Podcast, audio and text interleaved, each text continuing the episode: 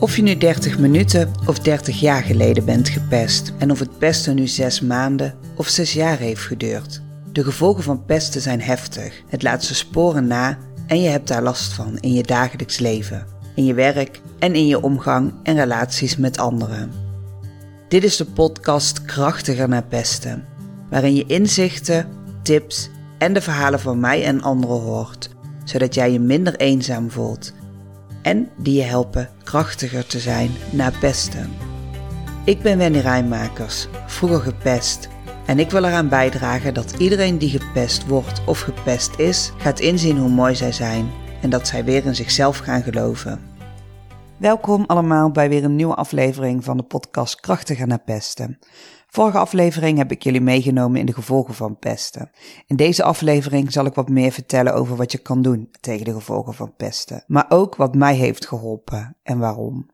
Eerst staan we nog even opnieuw stil bij de gevolgen van pesten. Daar heb ik de vorige aflevering al bij stilgestaan, dus ik vat het nu alleen nog even samen, voordat ik jullie ga uitleggen wat je kan doen om je pestverleden te verwerken, zodat het ook minder invloed heeft op je huidige leven. Er zijn op de eerste plaats emotionele en psychologische gevolgen, laag zelfbeeld, angst en depressie en sociale angst. Daarnaast kunnen mensen met een persverleden relatieproblemen ervaren, dus moeite met vertrouwen, maar ook moeite met assertiviteit, voor jezelf opkomen. Als derde uh, werkgerelateerde gevolgen, dus het kan carrière-impact hebben, maar het kan er ook voor zorgen dat je stress ervaart op de werkvloer. Als vierde hebben we toegenoemd de lichamelijke gezondheid, dus gezondheidsproblemen door stress en angst als gevolg van het pesten. En uh, daarbij als laatste copingmechanisme, dus uh, ongezonde kopingsmechanismen, zoals alcohol of drugsgebruik, eten, nou, wat dan ook, uh, wat jou eigenlijk niet helpt, maar wat je wel inzet om om te gaan met de gevolgen van het pesten. Ja, en wat helpt je dan nu om dat pestverleden uh, daadwerkelijk te verwerken? Sowieso is het natuurlijk een persoonlijk proces en kan het ook een heel uitdagend proces zijn. Maar er zijn wel verschillende stappen en strategieën die je kunnen helpen bij dit proces. En op de allereerste plaats komt het stukje erkennen en accepteren. En het is belangrijk om je pestverleden te erkennen en ook te accepteren als onderdeel van je leven. Dat kan een begin zijn van het genezingsproces. Het kan namelijk heel erg helpen om te weten en te voelen wanneer je gepeste kind wordt aangeraakt. Dus wanneer er iets gebeurt wat jou raakt door je pestverleden. En ook helpt het om überhaupt gewoon te kunnen zeggen: Ik ben gepest en dat heeft veel invloed op mijn leven. En ik zeg gewoon te kunnen zeggen. Maar zo makkelijk is dat niet. Ik herken dat ik het best wel lastig vond om te zeggen dat ik gepest ben. En dat dat voor heel veel mensen met een pestverleden geldt. De schaamte loslaten en ook uit de vechtmodus gaan die daarbij hoort. En erkennen en accepteren dat het pesten heeft plaatsgevonden en dat je er last van ervaart. Dat is echt stap 1 in het verwerkingsproces. Het helpt je ook om wat liefdevoller naar jezelf te kijken. Soms snappen we namelijk heel goed dat we niet onzeker of bang hoeven te zijn, maar we zijn het toch. En dan worden we boos op onszelf omdat we toch bang of onzeker zijn. Als je erkent en accepteert dat komt door een pestverleden, helpt dat om wat meer compassie voor jezelf te hebben. Nou, herken je dit en voel je nog veel weerstand op erkennen en accepteren? Nou ja, hopelijk helpen dan mijn podcastafleveringen met de informatie die ik je geef uh, je al een beetje op weg. En ga verder eens op zoek naar andere dingen die hierbij kunnen helpen. Zoals bijvoorbeeld het lezen van boeken hierover. En ik realiseer me dat ik in meerdere podcasten dezelfde uh, boeken noem. Maar ja, ik vind dit gewoon twee hele sterke. Uh, het boek Laat je niet verpesten van Rutger Verhoef of hashtag Ik ben gepest van Marta Pelkman. Soms helpen de verhalen van anderen om je minder eenzaam te voelen in die acceptatie. Dan is het heel belangrijk om professionele hulp te zoeken. Als je merkt dat het persverleden ernstige emotionele littekens heeft achtergelaten, ga dan eens op zoek naar een therapeut, coach, counselor of psycholoog die je kan helpen. Deze professionals kunnen je helpen bij het omgaan met de emotionele gevolgen van pesten en je de nodige tools aanreiken om te herstellen. Ik zelf heb destijds EMDR gehad, wat al de scherpe randjes er vanaf had gehaald.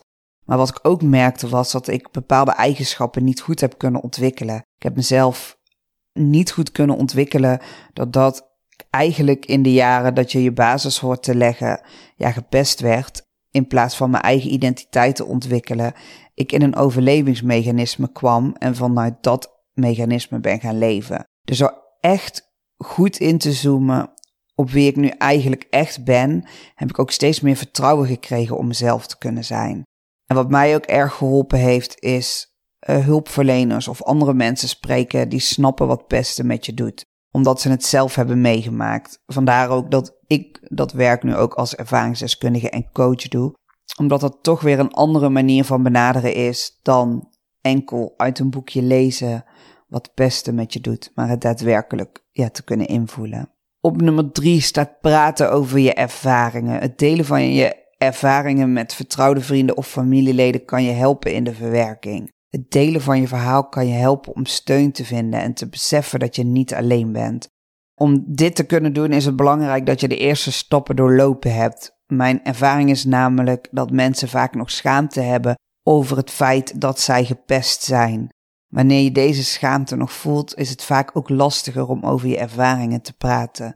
Daarom is erkennen en acceptatie ook zo van belang. Als je je ervaringen deelt met mensen die je vertrouwt, kan je ze ook om hulp vragen in situaties waarin je dat nodig hebt. En dat zorgt ervoor dat je je minder alleen hoeft te voelen. Nou, op de vierde plek komt zelfacceptatie en zelfliefde. Werk aan het opbouwen van je zelfvertrouwen en zelfbeeld. Want pesten kan iemands gevoel van eigenwaarde echt behoorlijk aantasten.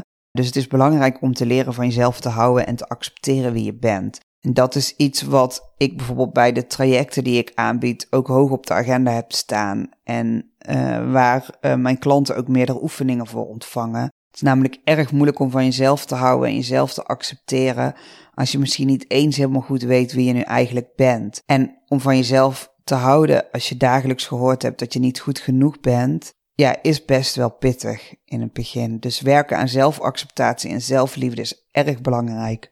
Ook om je pestverleden te verwerken. Nou, en dan staat op de vijfde plek leren omgaan met je emoties.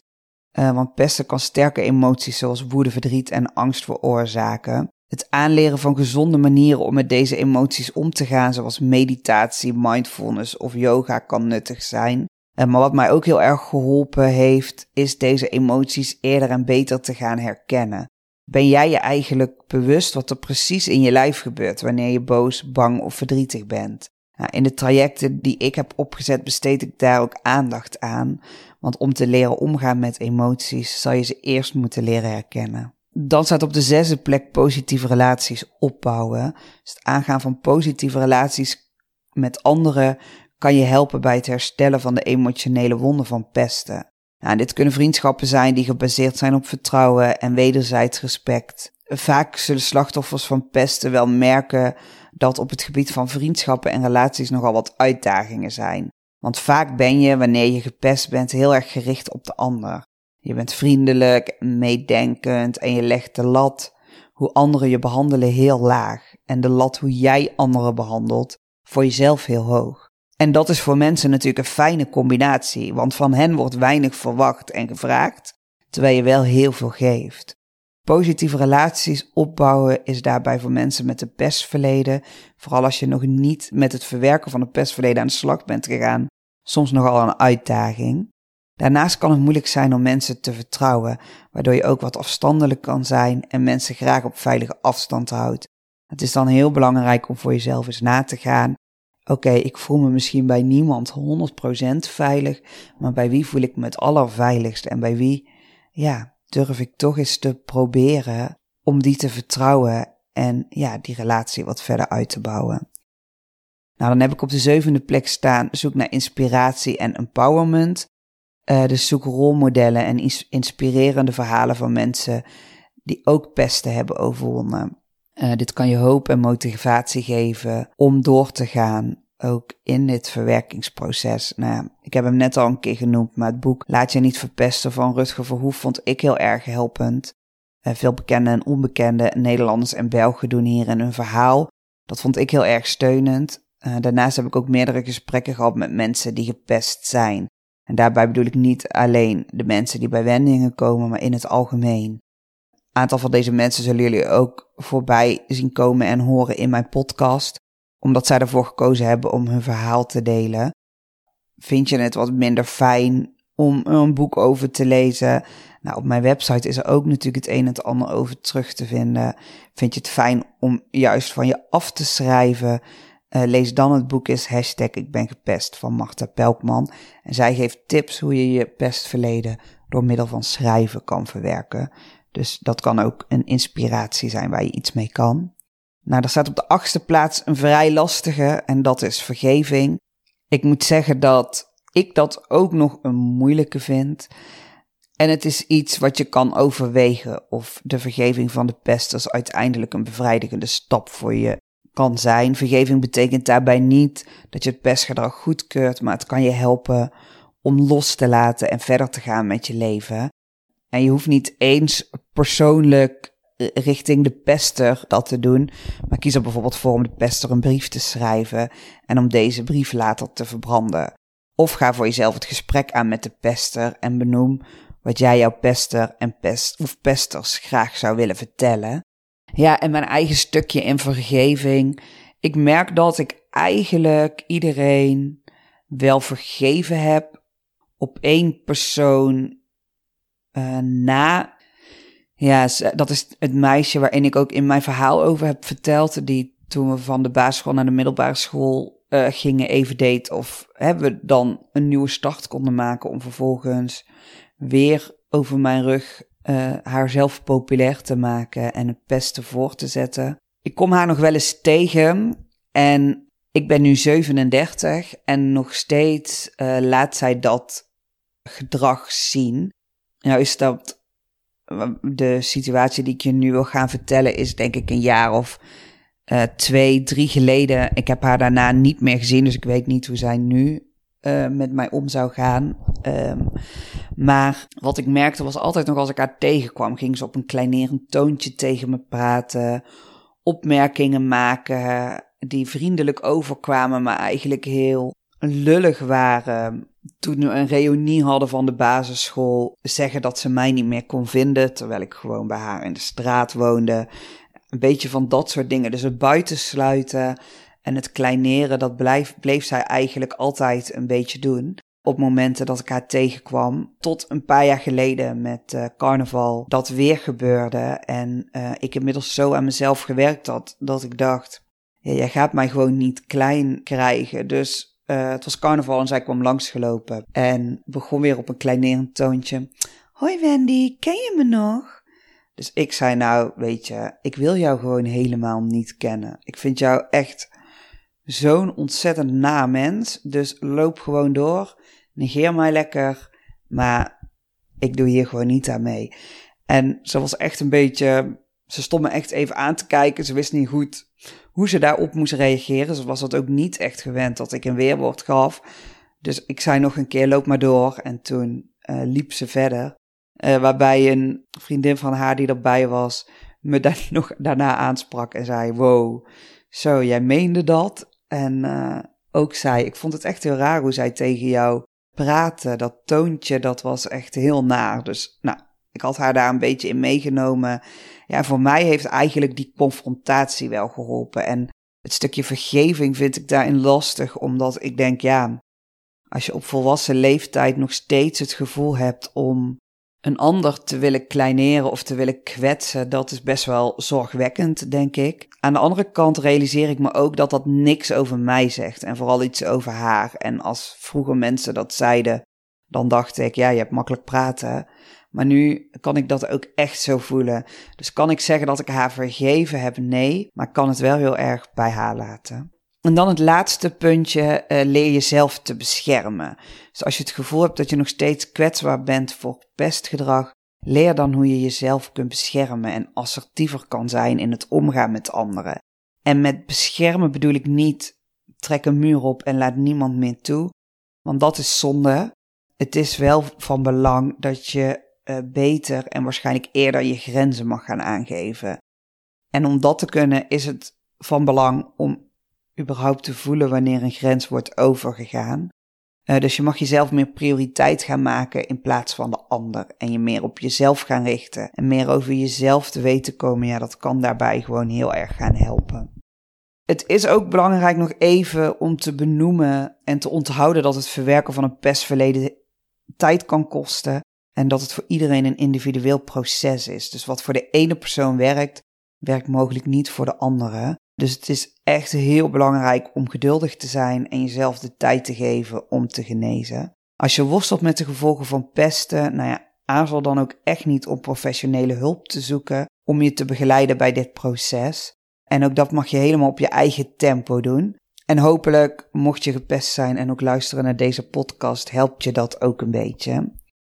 Wat mensen die gepest zijn vaak onderschatten is hoe impactvol pesten is. Zij vinden vaak wat hen is overkomen niet zo belangrijk, niet zo spannend. Toen ik de eerste verwijzing van de huisarts kreeg voor EMDR stond op de verwijsbrief PTSS na een pestverleden. En ik dacht, huh, PTSS, dat is toch een trauma? Heb ik een trauma? Ik vond dat zo zwaar klinken, want zo ernstig was het dan toch ook eigenlijk niet.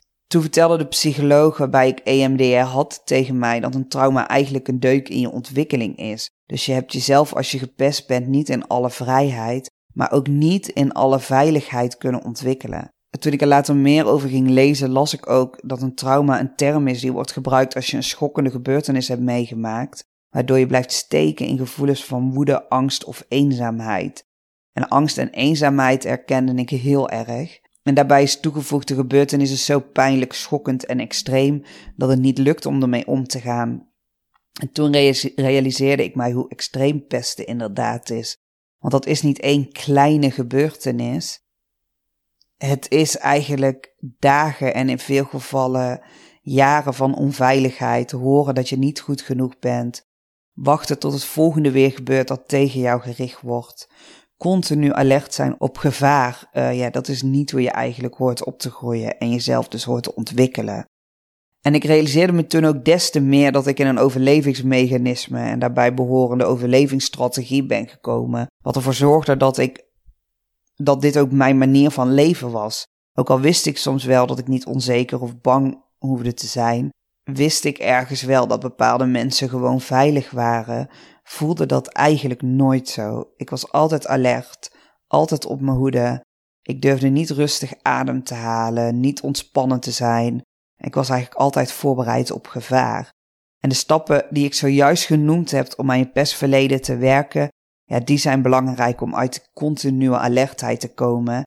Om op jezelf te durven vertrouwen en weer echt te kunnen ontspannen en echt jezelf kunnen zijn. Nou, hopelijk heeft dit jullie een goed beeld gegeven van wat je kan doen tegen de gevolgen van pesten. Ik kan natuurlijk nog uitgebreid stilstaan bij alle behandelmethodes die er zijn, maar het belangrijkste is dat jij je afvraagt waar jij nu behoefte aan hebt. Nou, heb je bijvoorbeeld behoefte aan iemand te spreken die jou begrijpt en met praktische hulp kan helpen, zoek dan een coach of ervaringsdeskundige.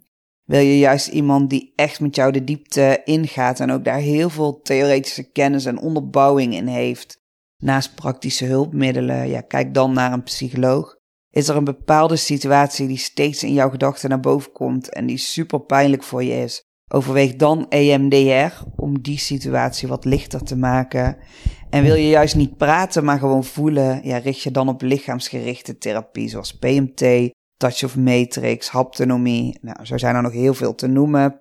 En verder, mocht je denken, ik wil er eerst een beetje rustig in gaan verdiepen, zijn er natuurlijk ook online programma's uh, die je kunnen helpen.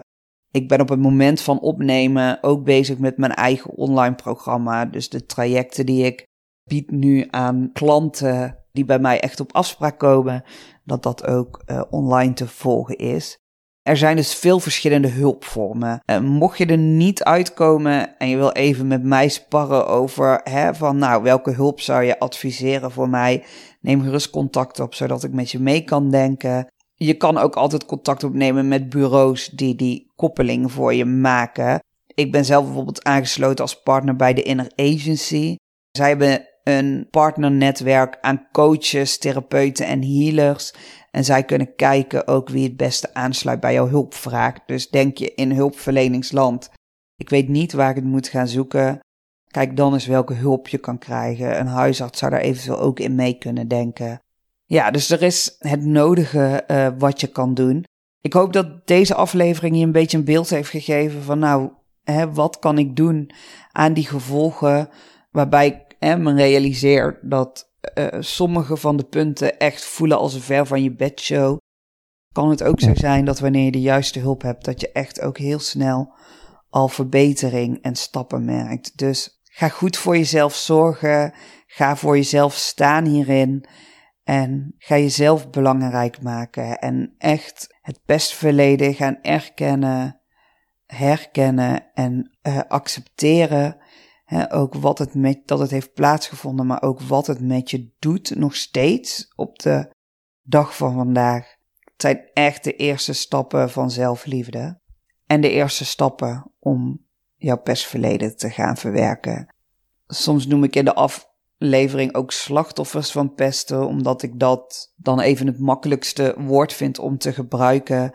Maar ja, je bent echt een slachtoffer. Uh, je hebt daar niet om gevraagd. En het is onterecht ook hè, wat er gebeurt en niet oké. Maar het is vooral belangrijk om weer in jouw kracht te gaan staan. En ik hoor heel vaak terug nu zo wat zijn jouw verhalen kwetsbaar, wat toon je je kwetsbaar en wat is dat sterk. Dus slachtoffer voelt misschien vaak een beetje zwak.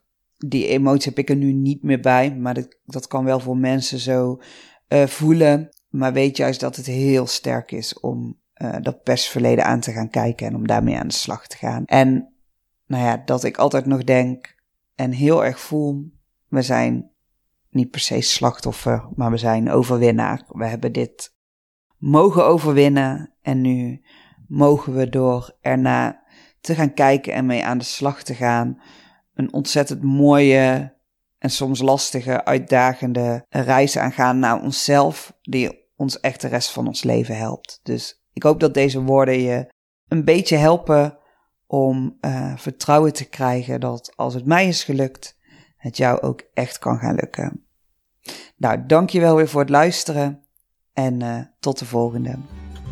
Ik hoop dat deze aflevering jou verder helpt. Dat het je meer inzicht geeft in wat je pestverleden met je doet en hoe je daar zelf iets mee kan. Ben je er klaar voor om de volgende stap te zetten? Om los te komen van jouw overlevingsmechanisme dat is ingegeven door het pesten en dat zoveel facetten in je leven beïnvloedt? Stuur me dan een mailtje op info.wendyrijmakers.nl Wil je liever eerst wat meer lezen over wat je kan bereiken en over mij? Dat kan op www.wendyrijmakers.nl Dankjewel voor het luisteren en tot de volgende keer. En vergeet niet, ook jij mag er zijn. Jouw aanwezigheid maakt de wereld een stuk mooier.